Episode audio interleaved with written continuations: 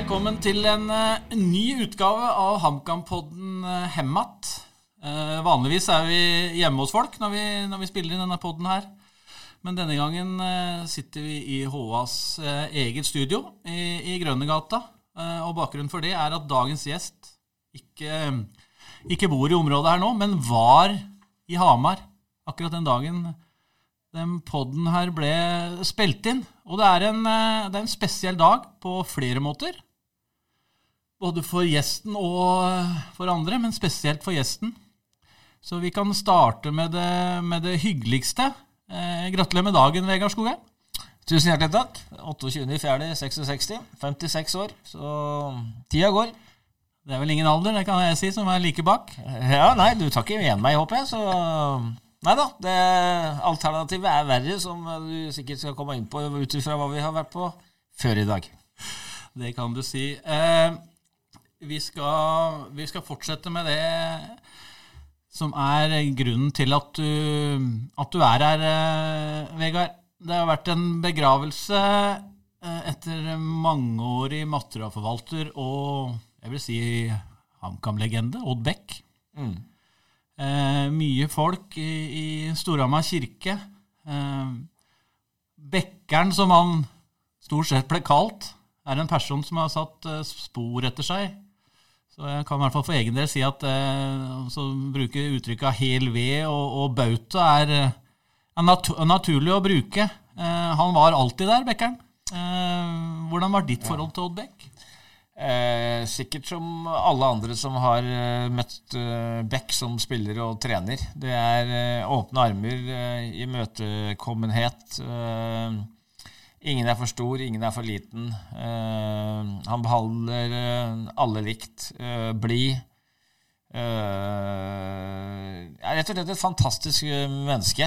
Og det er for meg som trener som driver på og prøver å vinne så mye fotballkamper som mulig, så er det akkurat sånne folk du vil vinne fotballkamper for. Eh, spillere kommer og går i alle klubber, mens sånne som Bekkeren, den består. Eh, om HamKam har vært nede i andredivisjon og nesten i bånn der eh, på slutten av 90-tallet, eller når de er i Eliteserien, så er det én mann som var, som, var, som var der, og det var Bekkeren. Og det gjør det jo på en måte enda tristere at uh, Bekkeren ikke er der nå. Uh, når HamKam endelig har kommet opp i Eliteserien og, og spiser kirsebær med de, med de største. Så uh, dette ble et stort savn. alle, Det er ingen som er uerstattelig, sier de, men jeg begynner å lure på om vi begynner å nærme oss en uerstattelig fyr i, i HamKam-sammenheng. Uh, det var vel sånn at uh, det var en film, 'Buddy', her, hvor Cato Erstad var limet i laget. Da er uh, Bekkeren, eller var da, betongen i, i klubben. Han var grunnfjellet til Iallfall de rundt det selve sportslige der nede, da.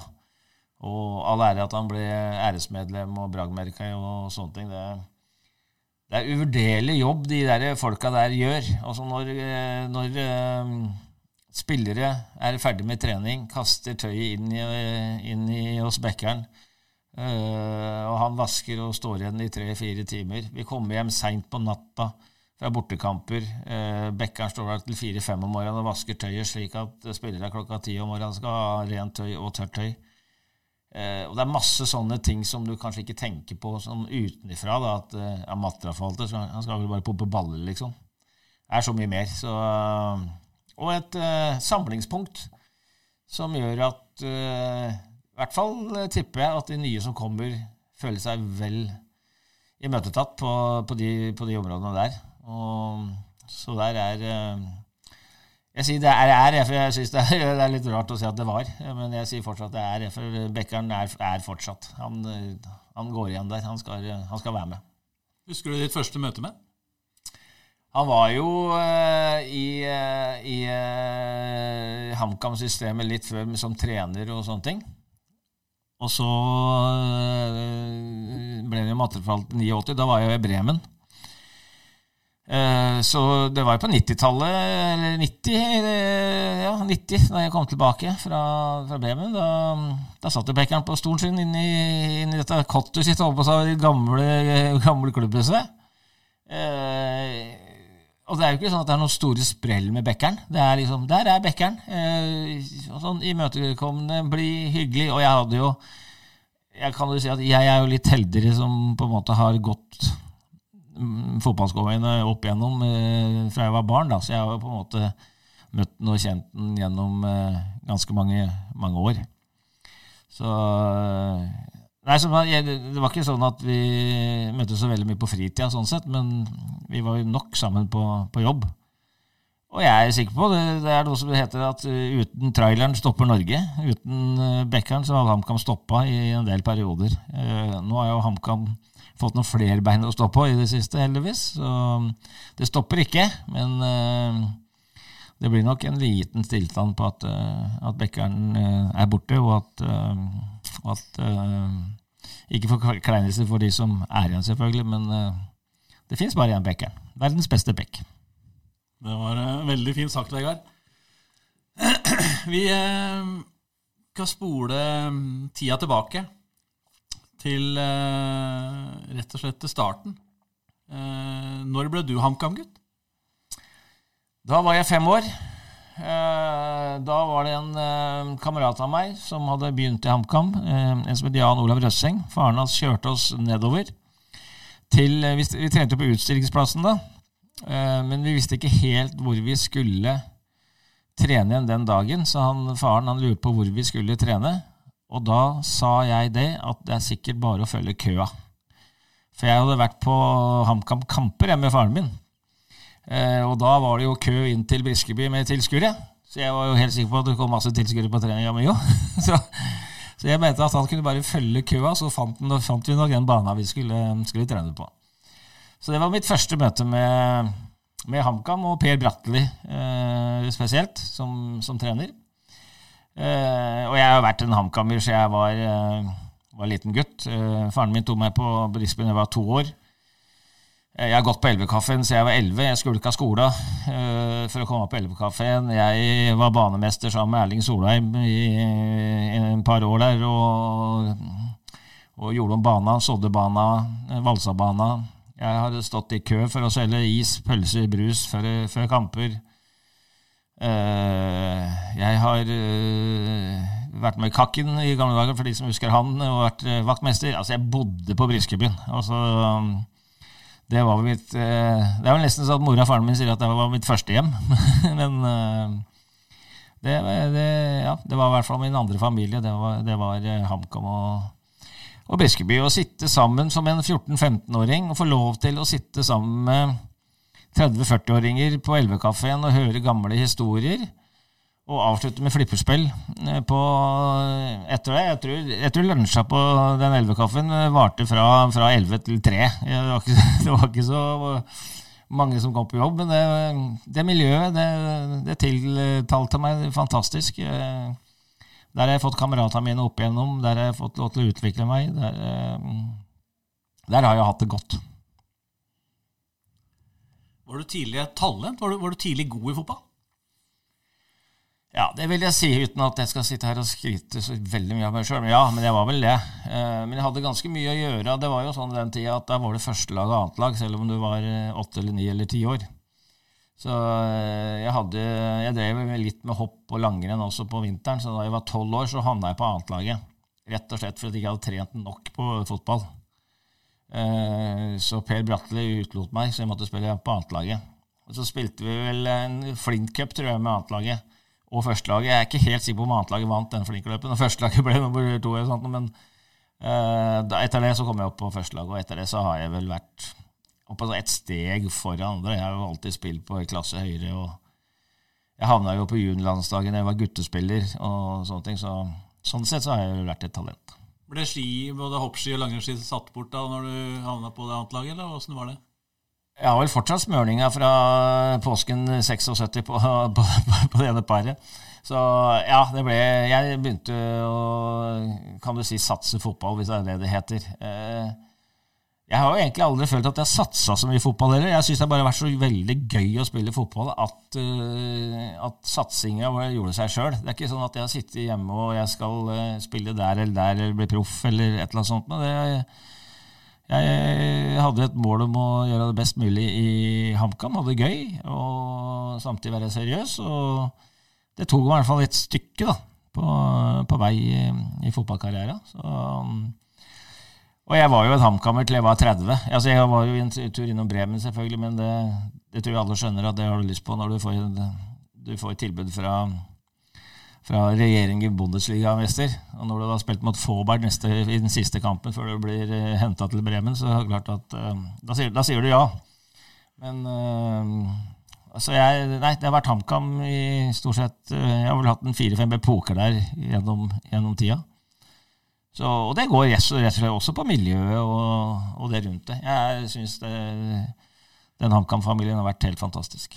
Vi skal komme tilbake til Bremen-tida og, og, og, mye, mye annet. Men eh, bare sånn for å bare få, eh, få på, brakt på det rene en ting. Eh, din nære slektning, Kim Skogheim, som, er, eh, som er mange som kjenner Eh, han er nå, nå driver han jo egen bedrift og har vært sponsorjeger i Storhamar i mange år. Eh, han eh, drev en gang eh, på han, han, For å omfor, omformulere meg Han liker å si at han skal ha mye av æren for din suksess. Eh, dette er nok noen år tilbake, men det var en historie som dukka opp igjen her når vi skulle ha deg i poden her. Eh, og det var at han gjennom da bøttevis med målgivende pasninger på Yngres der eh, gjorde, gjorde, deg så god at du, du ble den du ble. Er, dette, er, dette riktig? Det som er riktig, er at du ikke blir, du blir ikke god uten andre. Så det er riktig. Eh, så skal ikke jeg si at jeg husker alt fra, fra Lilleputt oppover, men eh, jeg og Kim var vel et eh,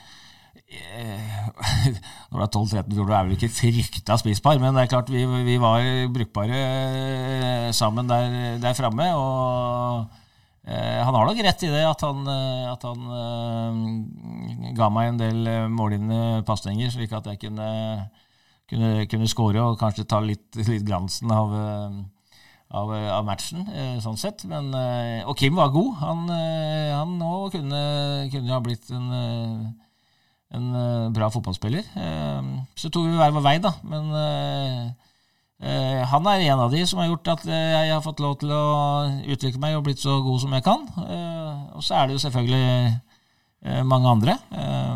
Jeg, tror jeg har en sånn derre Jeg tror det var etter Jeg var vel 18 år, tror jeg. I 84 var det vel. Så var det østlendingen som hadde en sånn reportasje om meg hvor, liksom, hvor overskrifta var 'Hvorfor så god, Vegard?' Sto var liksom spørsmålet fra dem. da. Og da svarte jeg at det er medspillerne som skal ha æren. Og det har alltid vært. Jeg har aldri satt meg sjøl først. Jeg, jeg, har vært en lagspiller. Jeg har vært en klubbspiller, sånn sett. Uh, uh, høres veldig skryt ut, men det er i hvert fall det jeg føler at jeg har vært. da.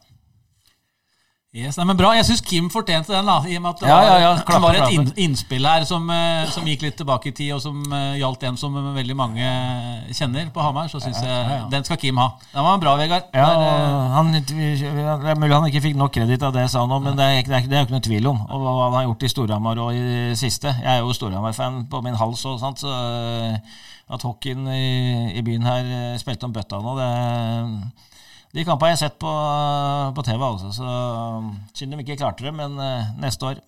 Veldig bra. Eh, du har vært litt innom det, men du kan jo kanskje utdype litt enda mer hvordan den yngretida di var i HamKam?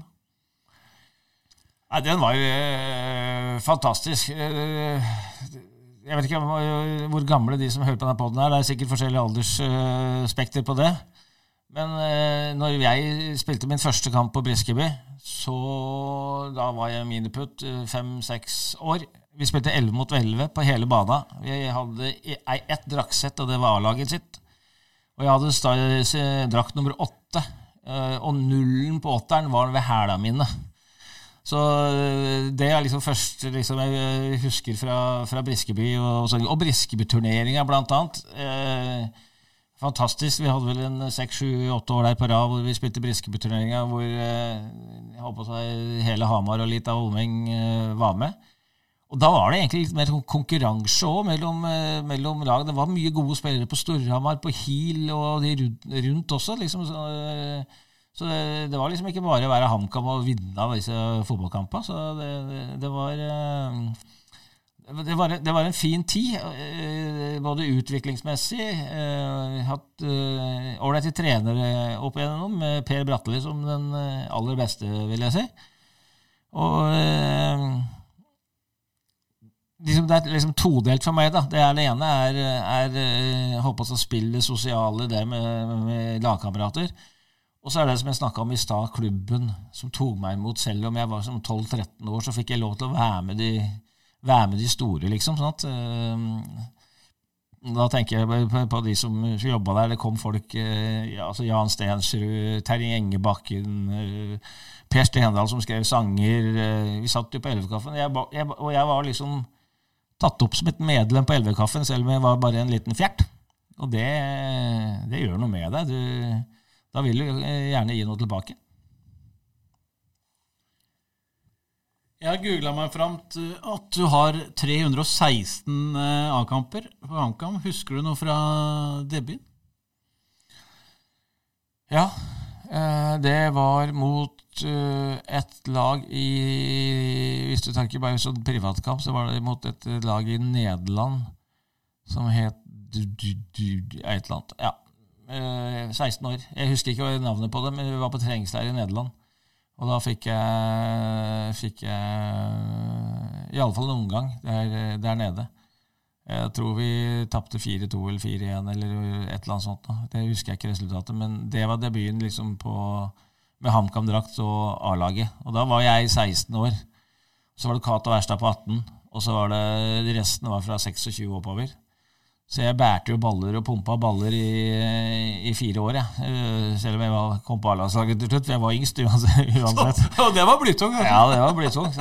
Stein Kolsund fikk jo i kontrakten sin at han ikke skulle bære mål, og sånn, så jeg måtte fortsatt bære mål når han kom. Det var ikke noe kjære mor der.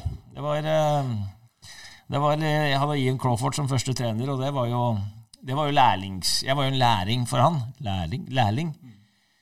Så jeg husker jo det at jeg måtte bære bagen hans, jeg måtte pusse skoene hans. Da når vi dro på bortekamper, så måtte jeg sitte bak inn i bussen eh, med jakka hans og hele pakka og eh, bære det inn i garderoben, sette det på plass. Fikk ikke skifte, måtte sitte siden av ham på benken.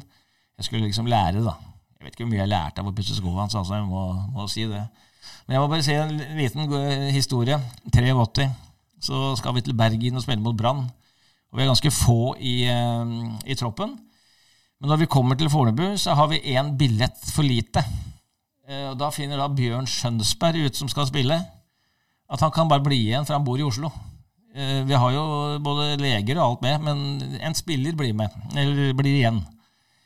Og så, Da er det meg og Tor Ingelstad som er på benken. Og da får også Edgar Malmann, 38 år, må skifte. Og så ble Knut Hagen skadet eh, under kampen. Så tenkte jeg at nå kan jeg liksom få en sjanse. Da hører jeg bare fra Ian Crawford Eddie, get warm. Hvordan var det? Ja, det var tungt for en 16-17-åring å få høre at hjelpetreneren på 38 fikk beskjed om å varme opp på Brann stadion. Da, da, følte jeg at det var en lang vei til å komme inn. det er en meget bra historie. Ja. det ble Werder Bremen. Du var så vidt innom det i stad etter hvert Bundesliga. Uh, vi er i 88. Yep. Yep. Hvor stort var det da den overgangen gikk i boks der? Ja, altså I ettertid så er, det jo, så er det jo større når du er oppi det. Hvis du skjønner. For liksom når du er oppi det, så er det liksom på en måte uten å høres uh, veldig klissete ut, så, så, er det liksom på en måte litt sånn normalt. da. Jeg, var, jeg tenkte ikke så mye over det. Ja, det var det som var neste steg. Det, det, var på en måte greit for meg. Jeg gikk videre, jeg skal ned dit, og så skal jeg prøve å ta en plass på det laget. De hadde jo blitt Bundesligamestere eh, to måneder før jeg kom ned. Sant? I mai 88. De, ble, de var jo regjerende Bundesligamestere. Så eh, når de henter en andredivisjonsspiller fra Norge som akkurat hadde spilt eh, mot Fåberg og var akkurat ferdig med militæret. Tjente 64 kroner om dagen, og så kom du ned dit, og så, og så ble det selvfølgelig litt større. Men jeg har ikke tenkt så veldig mye på det. Det var liksom bare vært eh, Ok, det, det, det, var neste steg, liksom. sant? Så, men i ettertid så ser jeg jo at eh, det der kunne jo ha blitt veldig stort. Eh, men jeg ble jo skada etter hvert, da, som gjorde at jeg måtte hjem. Men, eh, men jeg hadde fått sjansen der det året. Jeg hadde, fikk jo liksom en prøvetid der og sånt på ett år. Og så sa jo Otto Rehagel, som var min trener der nede, at neste år så skal vi liksom satse på deg.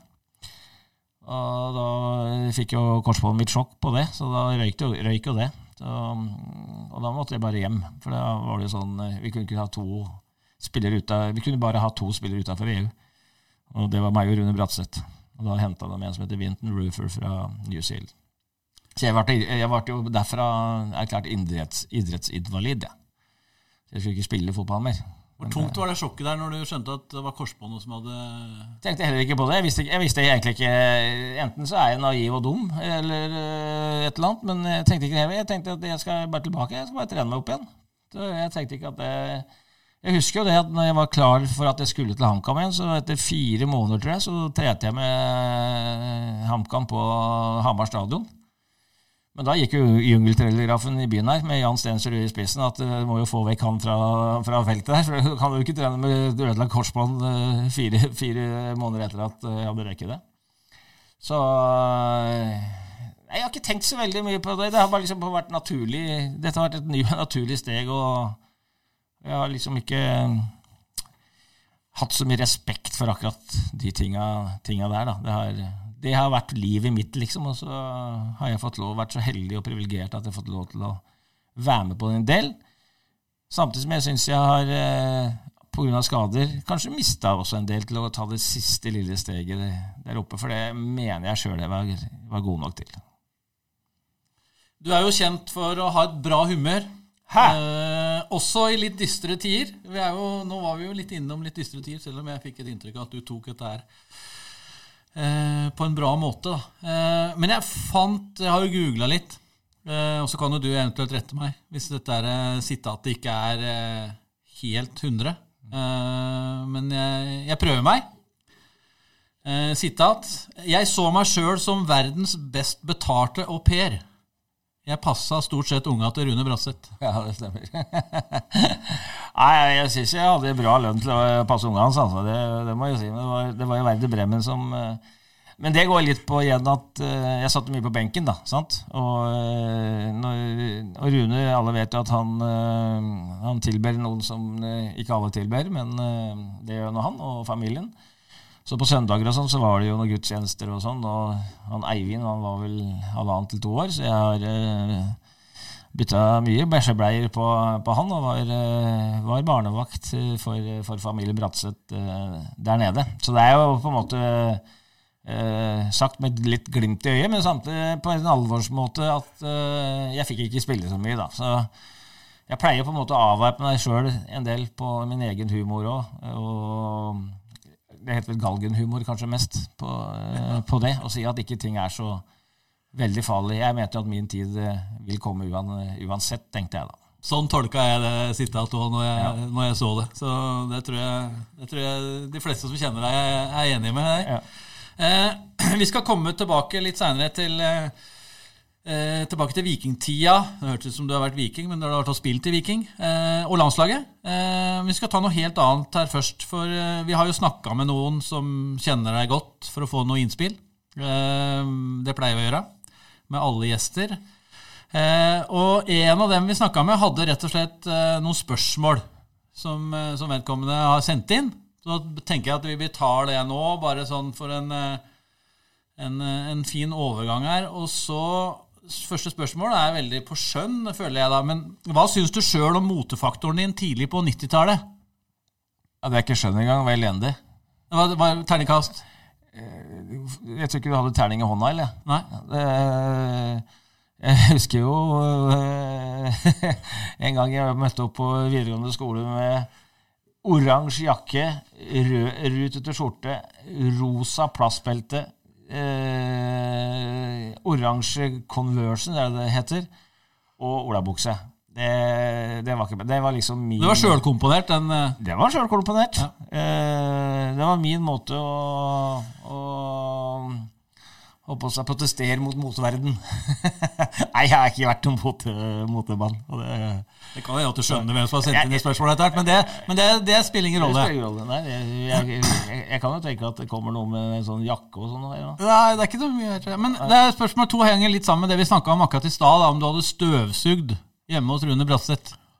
Ikke hjemme hos Brune Bratseth, men hjemme hos meg. Hjemme hos deg, var det. Akkurat, Eh, der ser du. Der, der la jeg til for mye i Ja, ja, ja.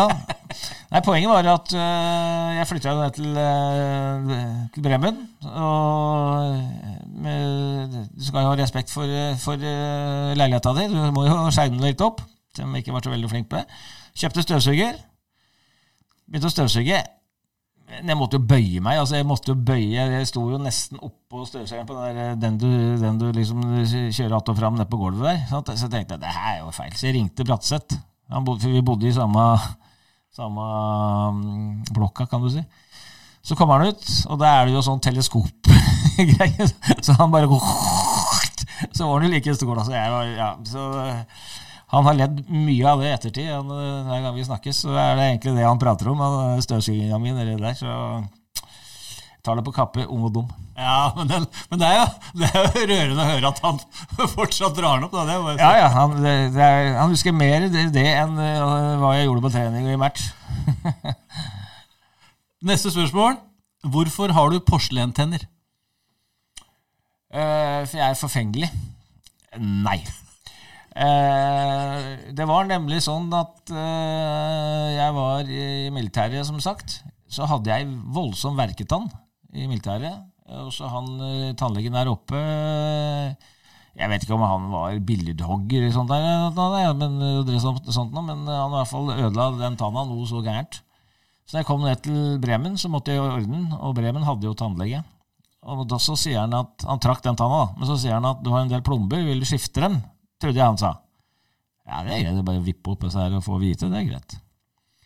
Da kom jeg til noen dager etterpå, og så slipte han jo alle tennene mine. Sant? Eller 15 tenner, tror jeg det han har slipt ned. Uh, og uh, to-tre dager etterpå så fikk jeg porselentenner, da. Uh, jeg var jo rene klopp eh, inni der. Bare at det- det sitter bakover. Så jeg Ok, jeg fikk, fikk det. det. Jeg har ikke hatt et hull etterpå. Eh, Det, eh, det kosta meg jeg, jeg betalte jo ikke det, jeg hadde litt forsikring, men, men da så kosta det meg 30 000 kroner. Og jeg tror hele greia kosta 75 000, men jeg hadde noen forsikring som dekka eh, overskytende. Så det var, det var ikke noen pangstart på er Helt middels tannlege, altså. jeg, ja, jeg vil, eh, han var sikkert god, men, jeg, men jeg tror det er sånn tyskere gjør det. Det er liksom, det er gjengs. Det, det er veldig mange tyskere som går med porselen. Eh, og Det er liksom eh, det er det de gjør. Det visste jo ikke jeg. Sant? Så det var, jeg satt jo tre timer eh, i stolen der og begynte å, finne tenner. Så jeg vet at den har gått, gått litt sånn rundt omkring her i, i distriktet, og kanskje også i Norge. Siste spørsmål fra, fra denne innsenderen. Fikk du noen ekstra penger av Lemke i Bremen? Mm. Hvis ja, hvorfor? Jeg var så god. Nei da. Eh, vi hadde spilt mot Atletico Madrid, en treningskamp i Madrid. Vant 1-0, og jeg skåra seiersmålet og spilte godt. Så fikk jeg beskjed om at jeg skulle spille første runde i Da heter det jo serievinnercupen, den den nåværende Champions League. Mot Dynamo, Dynamo Berlin borte, heter det. Eh, så fikk jeg beskjed om å starte. Så gjorde jeg det, og så tapte vi 3-0. Og så eh, vel, neste kamp var jeg på benken, vant 5-0 og gikk videre. Men så ringer det tyske forbundet ned til Bremen og sier at jeg var jo ikke spilleklar, for jeg hadde spilt eh, i, faktisk i norsk andredivisjon mot Faaberg eh, inneværende sesong. Og det gjorde sånn at eh, dette måtte bli hysj-hysj.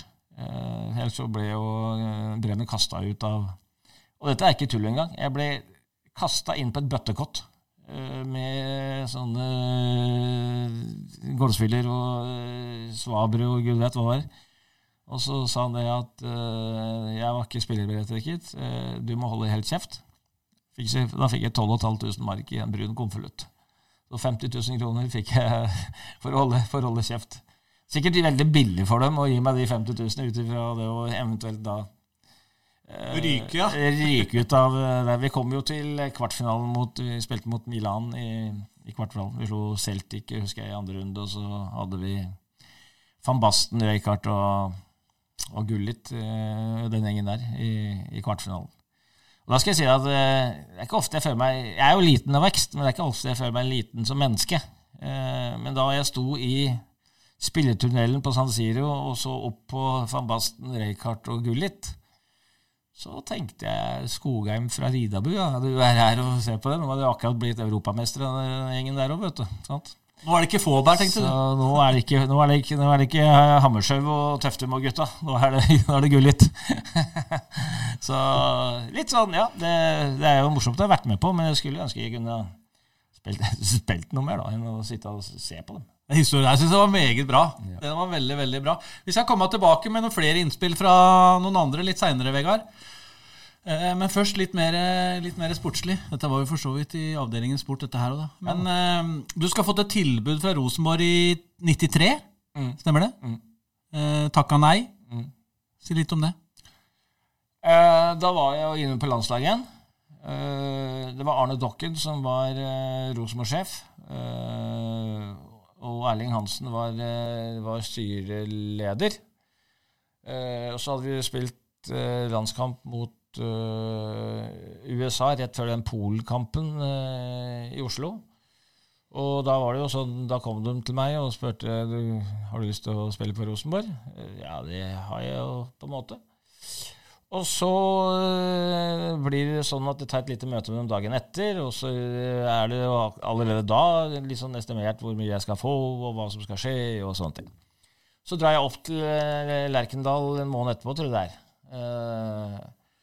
Og møter eh, Dokken. Og da er jo tilbudet mye dårligere. Og så spiller Rosenborg mot Start og vinner, og vinner serien den dagen. Og jeg har et møte med Nils Arne Eggen eh, etter, etter kampen. Jeg sitter på kontoret til Darne Dokken i ja, en time, halvannen, og venter på.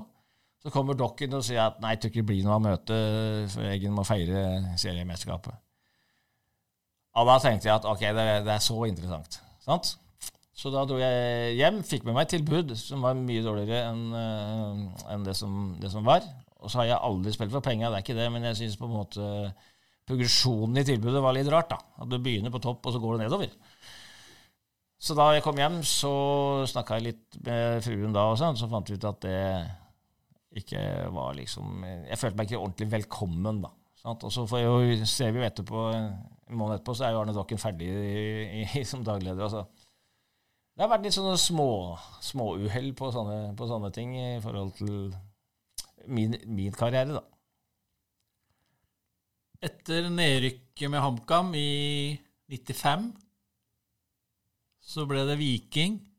Hvordan var den tida? Veldig fin. Eh, dessverre så ble jeg for mye skada på slutten der. Jeg hadde en fantastisk vår med Viking. Eh, spilte god fotball. Uh, vi lå i toppen. Vi ble nummer tre det året, uh, men uh, vikingtida ble liksom litt prega av, av, skader. Så jeg føler liksom at ja, Det var liksom sånn Enten så var du veldig god, eller så var du veldig dårlig, liksom. Og, men jeg hadde en fantastisk tid der. Stavanger, fantastisk by. Folk igjen rundt hele den pakka der. Ikke noe problem. Uh, gode spillere. Vi har et godt lag, gode sportslige forutsetninger. Uh, og Hadde jeg fått vært skadefri de tre årene der, så tror jeg vi kunne ha faktisk gjort det enda bedre. Der sier jeg jo at, uh, at Egil Østenstad skylder meg penger. for jeg, om Kim sendte meg videre, så sendte jeg Østenstad videre til, til Southampton. Han hadde 30, nei, 23 mål det året, jeg hadde 22 mål i vinner. Så da, han, burde, ja. han burde hatt med meg til Southampton. men uh, det var fin tid. Uh, men det var jo tre år og litt sånn halvskada der òg. Jeg, jeg fikk jo noe som heter compartment-syndrom i, i, i, legga, som gjorde at jeg måtte operere litt for ofte. Så ble jeg feit til slutt, og da ga det ikke. Du er en ærlig sjel. I 1998 fant jeg ut. Da tok du over jobben min, faktisk. Som sportsjournalist i Hamar Dagblad. Ja. Du kanskje erindrer. Og etter hvert ble du fotballtrener. Eh, Hva er det der trener... eh, Var det noe naturlig for deg å gå over som trener etter hvert? Eh, jeg savna det vel nok, å være i fotball. Jeg jeg, veit ikke om jeg skal si at jeg angrer ut ifra hva jeg har fått ut av trenerkarrieren min, men det hadde nok vært smartere å fortsatt vært journalist. I, i, i sånn øyemed. Jeg føler at jeg har fått ut mye av lag med små ressurser. Jeg har stort sett uh, jeg har stort sett trent lag som går konk, går konk så kanskje det har noe med meg. Men eh, ja, så jeg har liksom hatt lag som ikke har hatt ressurser til å gjøre så veldig mye, så du må lage spillere, selge spillere, lage spillere, selge spillere. Eh, gjør det egentlig bra ut ifra forutsetninger. Eh, så når Kongsvinger da kom i 2003 og spurte om jeg kunne ta over dem, så hadde vel jobba her i to-tre år, tror jeg. Men da hadde jeg også vært innom HamKam i 99 og 2000 og, og gjort comeback der òg, og fikk eh, permisjon herfra. Eller fra Hamar Dagblad, da.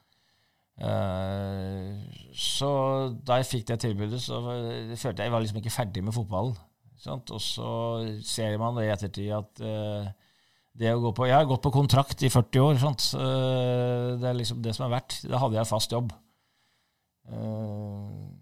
Eh, så er det noe du kunne gjort annerledes, så kanskje ja. Men jeg har jo trives med det jeg har gjort, og hatt mye gode opplevelser i, som, som trener òg. Men eh, det er jo ikke bare solskinn når du er trener. Sant? Du er veldig alene når det går dårlig, og så er det jo eh, million som er med deg når det går bra. Så, men sånn er det, og sånn er følelsene, og sånn skal det være, på en måte. Eh, Jeg pleier å si at jeg skal, ha, jeg skal ta ansvaret for de dårlige resultatene, så får de rundt ta ansvaret for de gode. For det, det er på en måte det du er ansatt for som trener. Du skal jo selvfølgelig trene til å bli godt, men det er de rundt deg som gjør at uh, produktet er bra, og så får sjefen ta, ta jeg håper at det som er litt, litt dårlig, da, du får ta, ta deg av det. Sant? Såpass hardhuda er jeg at det, det tåler jeg fint når jeg først har valgt det yrket her. Vi skal gli litt over, i, over til landslaget. Eh, 13 A-landskamper. Han eh, nikker. Eh, Ja. Det er det bra googla. Eh, debut mot Egypt i 84. Prøver jeg meg videre. Nikkes igjen. Hvordan var det? Husker du noe av det? Ja da, det husker jeg. Det var i Ka- Kairo mot Egypt. Jeg husker spesielt når vi kjørte fra hotellet oppover, så tror jeg det var fem kilometer med militærparade liksom på hver side av og blålys og sånne ting. Litt sånn det jeg var uvant med. Da, sant? Jeg, har jo vært vant med å dra fra Børsdalen og ned til Briskeby, sant? så det var ikke noe veldig mye politieskorte ned dit. Eh, Så eh, det var det. Og på tribuna var det stort sett bare militære og folk i hvite eh, kjortler som de, har- som de har der nede. Eh, Jeg mener at Bjørge Lillien satt på indre bane og kommenterte kampen. Eh, Så kom jeg inn i Jeg, jeg, jeg tror jeg kom inn for Joar Vådal til annen omgang. Uh, hadde én målsjanse. Uh, spilte ikke noe godt. Så det var liksom debuten min. da, sånn... men jeg fikk jo debuten min som, som 18-åring, og, og det var også igjen at jeg var i førstedivisjon i Norge, og ikke i Eliteserien. Så, så du må jo på en måte bli litt merka til der og da, ut ifra det jeg sto for. Eh, men jeg mener sjøl at jeg Det høres litt rart ut, men litt sånn i gåseøyne uheldig med trenere.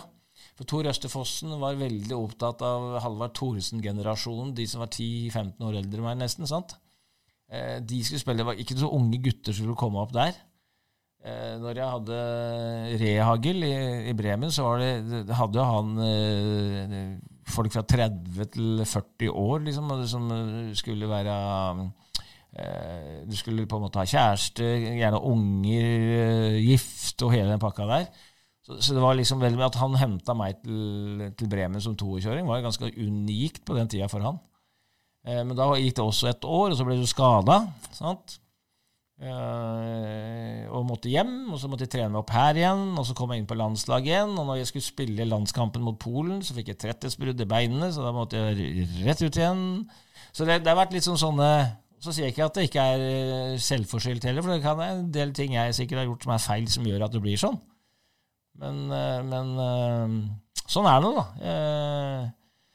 Jeg har eh, blitt god til å sykle og svømme og sånne ting, så jeg, jeg fant jo ut til slutt her i 2000 med HamKam da jeg ble skada igjen, at enten så melder jeg meg på sånn triatlon, eller så eh, bare kutter jeg ut alt, liksom, for det var liksom, da, da var jeg fed up. Det må jeg, det må jeg si. Da var du god på mye. Da var jeg eh, halvgod.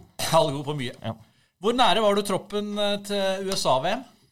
Eh, kron og mynt. Jeg var nesten kron og mynt.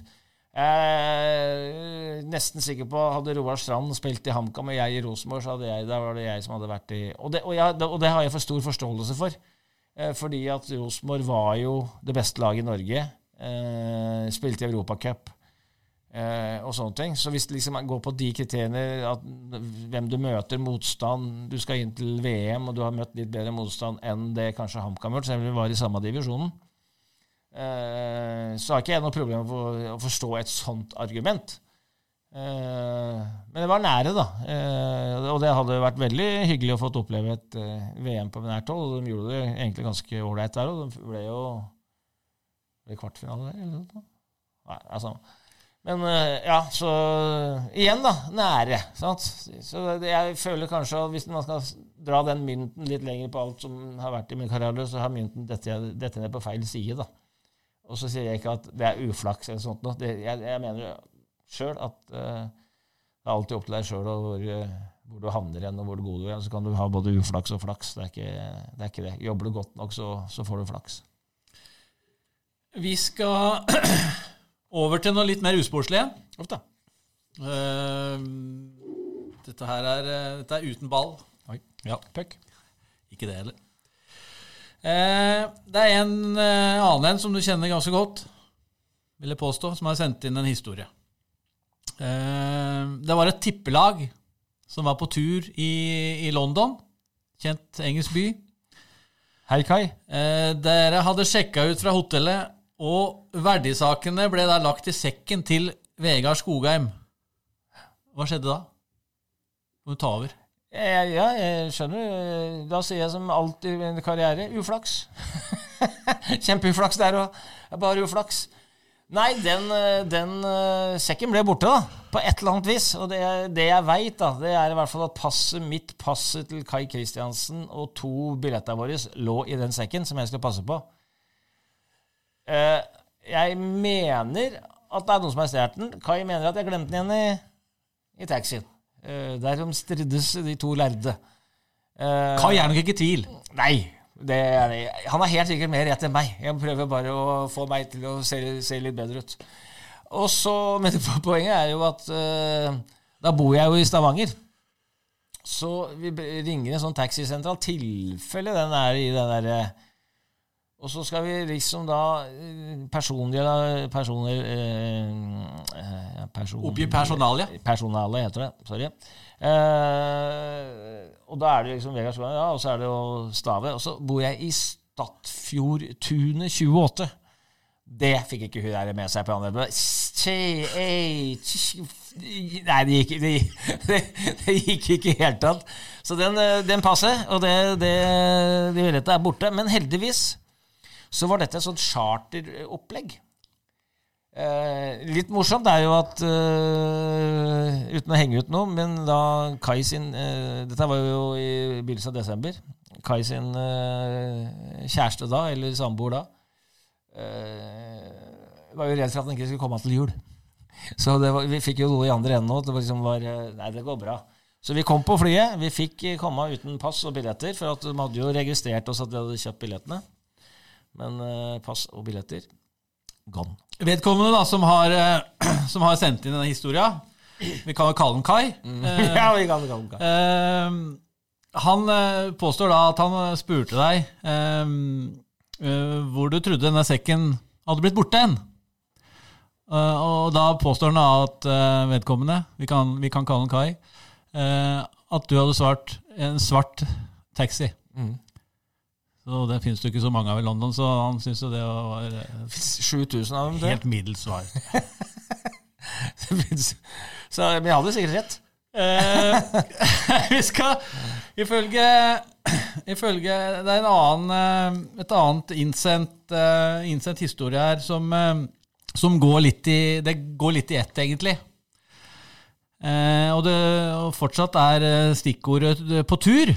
Eh, eh, det skulle vært et cruise hvor eh, du og og eh, en annen en som er omtalt i den Buddy-filmen, eh, Cato Erstad, Livet. eh, hadde vært på, på, på cruise hvor du, hvor du visstnok hadde gått glipp av en del. Hva- hva skjedde der, egentlig?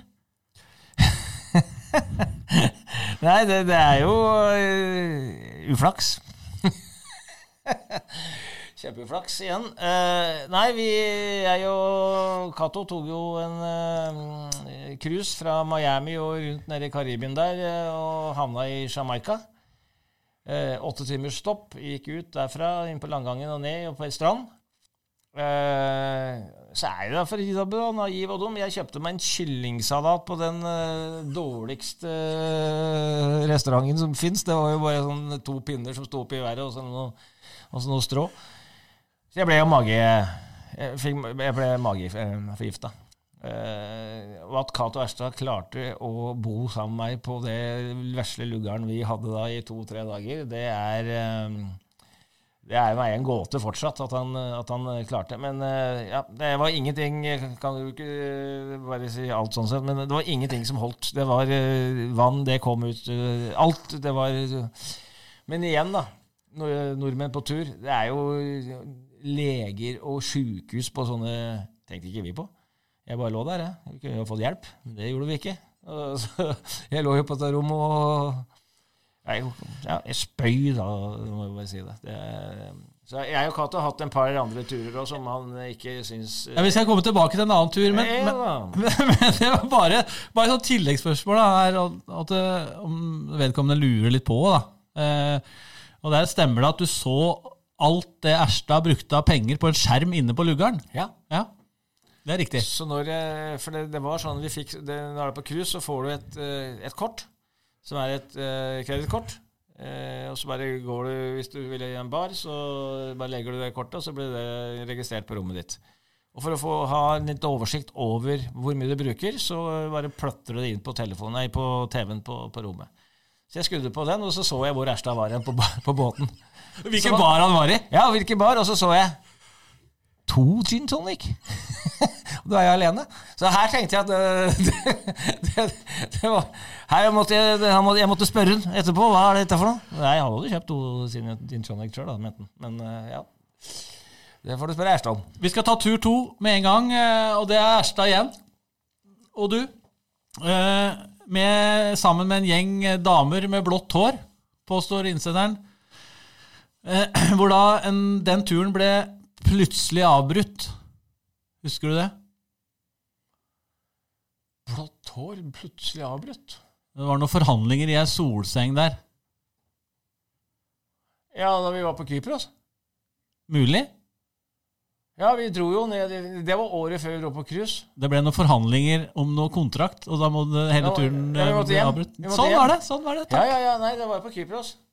Sant? Uh, så uh, Og vi hadde tenkt det, for dette var første året vi Vi kan jo si det nå, vi var uh, single begge to. Så vi tenkte at vi skulle dra til Ayanapa. For der har, vi- der har vi hørt mye bra om. sant? Poenget er at vi var i Ayanapa 4. november. Ja, 4. november. Eh, og da vi kom på, inn mot flyet i Oslo, så tror jeg vi hoppa over 33 krykker, fire rullestoler, eh, 15 gåstoler og sånn. Altså, vi dro ned snittet på, på flyet på, fra 90 til 82, kanskje. Så vi tenkte at mm, det, var ikke, det er ikke verdens beste. Men da hadde jeg akkurat gitt meg i Kongsvinger. Så var det en del klubber som gjerne ville ha meg som, eh, som eh, Det var både HamKam, Raufoss, husker jeg. Litt Rosenborg, eh, juniorlaget til Rosenborg, faktisk. Og dette var jo bare å sitte i telefonen og det forhandle, så dette gadd ikke Cato. Vi drar hjem. Sant? Så vi var der fra lørdag til tirsdag. Sånt, da, da måtte vi, måtte hjem. Kjempeturkamerat der. Ja, jeg, han mener at jeg er ikke noen turkamerat, så jeg, jeg, jeg, jeg har ikke blitt invitert etter det, for å si det sånn. etter de to turene. Det er veldig bra. Eh, Det er også en som lurer på hvordan det var å ture med kassebilen gjennom Odalen. Men jeg vet ikke om, eh, om du har noe tillegg på, på den. Nei, altså jeg er jo ikke noe bilfantast, fantast eller sånn det heter, selvfølgelig. Eh, så når jeg tok over Kongsvinger, så skulle jeg, skulle jeg få bil til å pendle. Og da hadde jeg en Mercedes. Så solgte jeg den. Og når jeg kom utafor Kongsvingerhallen første gang jeg skulle hente den bilen, så var det en sånn Toyota kassebil. To seter. Det var også eh, min familie veldig glad i. da. Jeg jo to unger. Sant? Så gjennom Odalen og de, på de der Toyota så er det jo sykkelhjul. Og på vinteren, eh, når det er spor, så er det berg-og-dal-bane bortover. Sant? Så det var ikke den tryggeste farkosten altså, på, på der. Men jeg kom meg helskinna igjennom. Det var et par elger som eh, nesten traff, men ellers så Så var det noe rykter på at Thomas Jahr var noe sånn elg eh, Skulle passe på om det kom noe elg. Men det Satt han bak i kassa, eller? Ja, nå må vi snakke om noe som egentlig er ganske ulovlig. Chris Det er så lenge siden den saken er forelda. Det er godt å høre. det er godt å høre. Uh, nei, Chris Twiddy uh, var jo spiller, og Thomas Jahr eh, spiller, så det var en fredag. Og så skulle vi gjennom skogen, og så sa jeg til Chris Twiddy, som satt da i førstesettet, du ser til venstre, jeg ser rett fram, og ja, Thomas, du ser til høyre. Sant?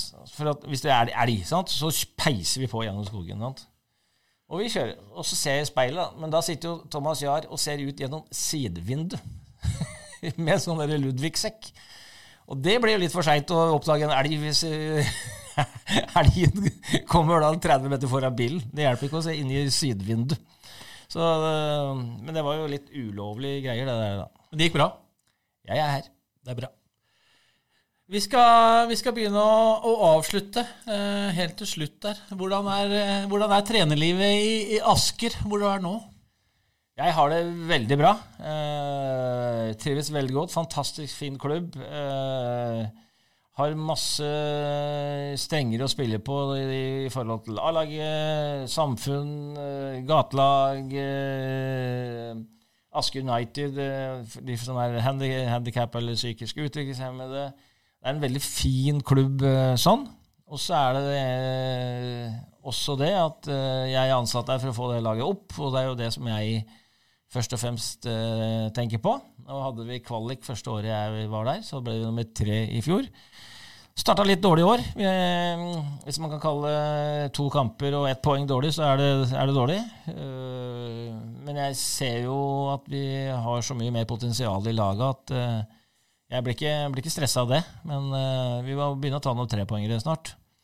Men generelt trives utrolig godt. Asker, Folka i Asker og de har tatt meg vel imot. Og jeg føler meg som en del av Asker, sånn sett, selv om hjertet mitt kommer alltid til å være grønt. Veldig bra, Vegard. Nå vet jeg at det er noen eh, som står deg nær, som driver og, og setter sammen noen vanvittige retter til, til bursdagsbarnet. Så vi skal, vi skal avslutte her, og så takker jeg for at du eh, kom og besøkte oss og ville være med i denne podden. Og lykke til videre med, med sesongen eh, med Asker. Bare hyggelig. Go HamKam.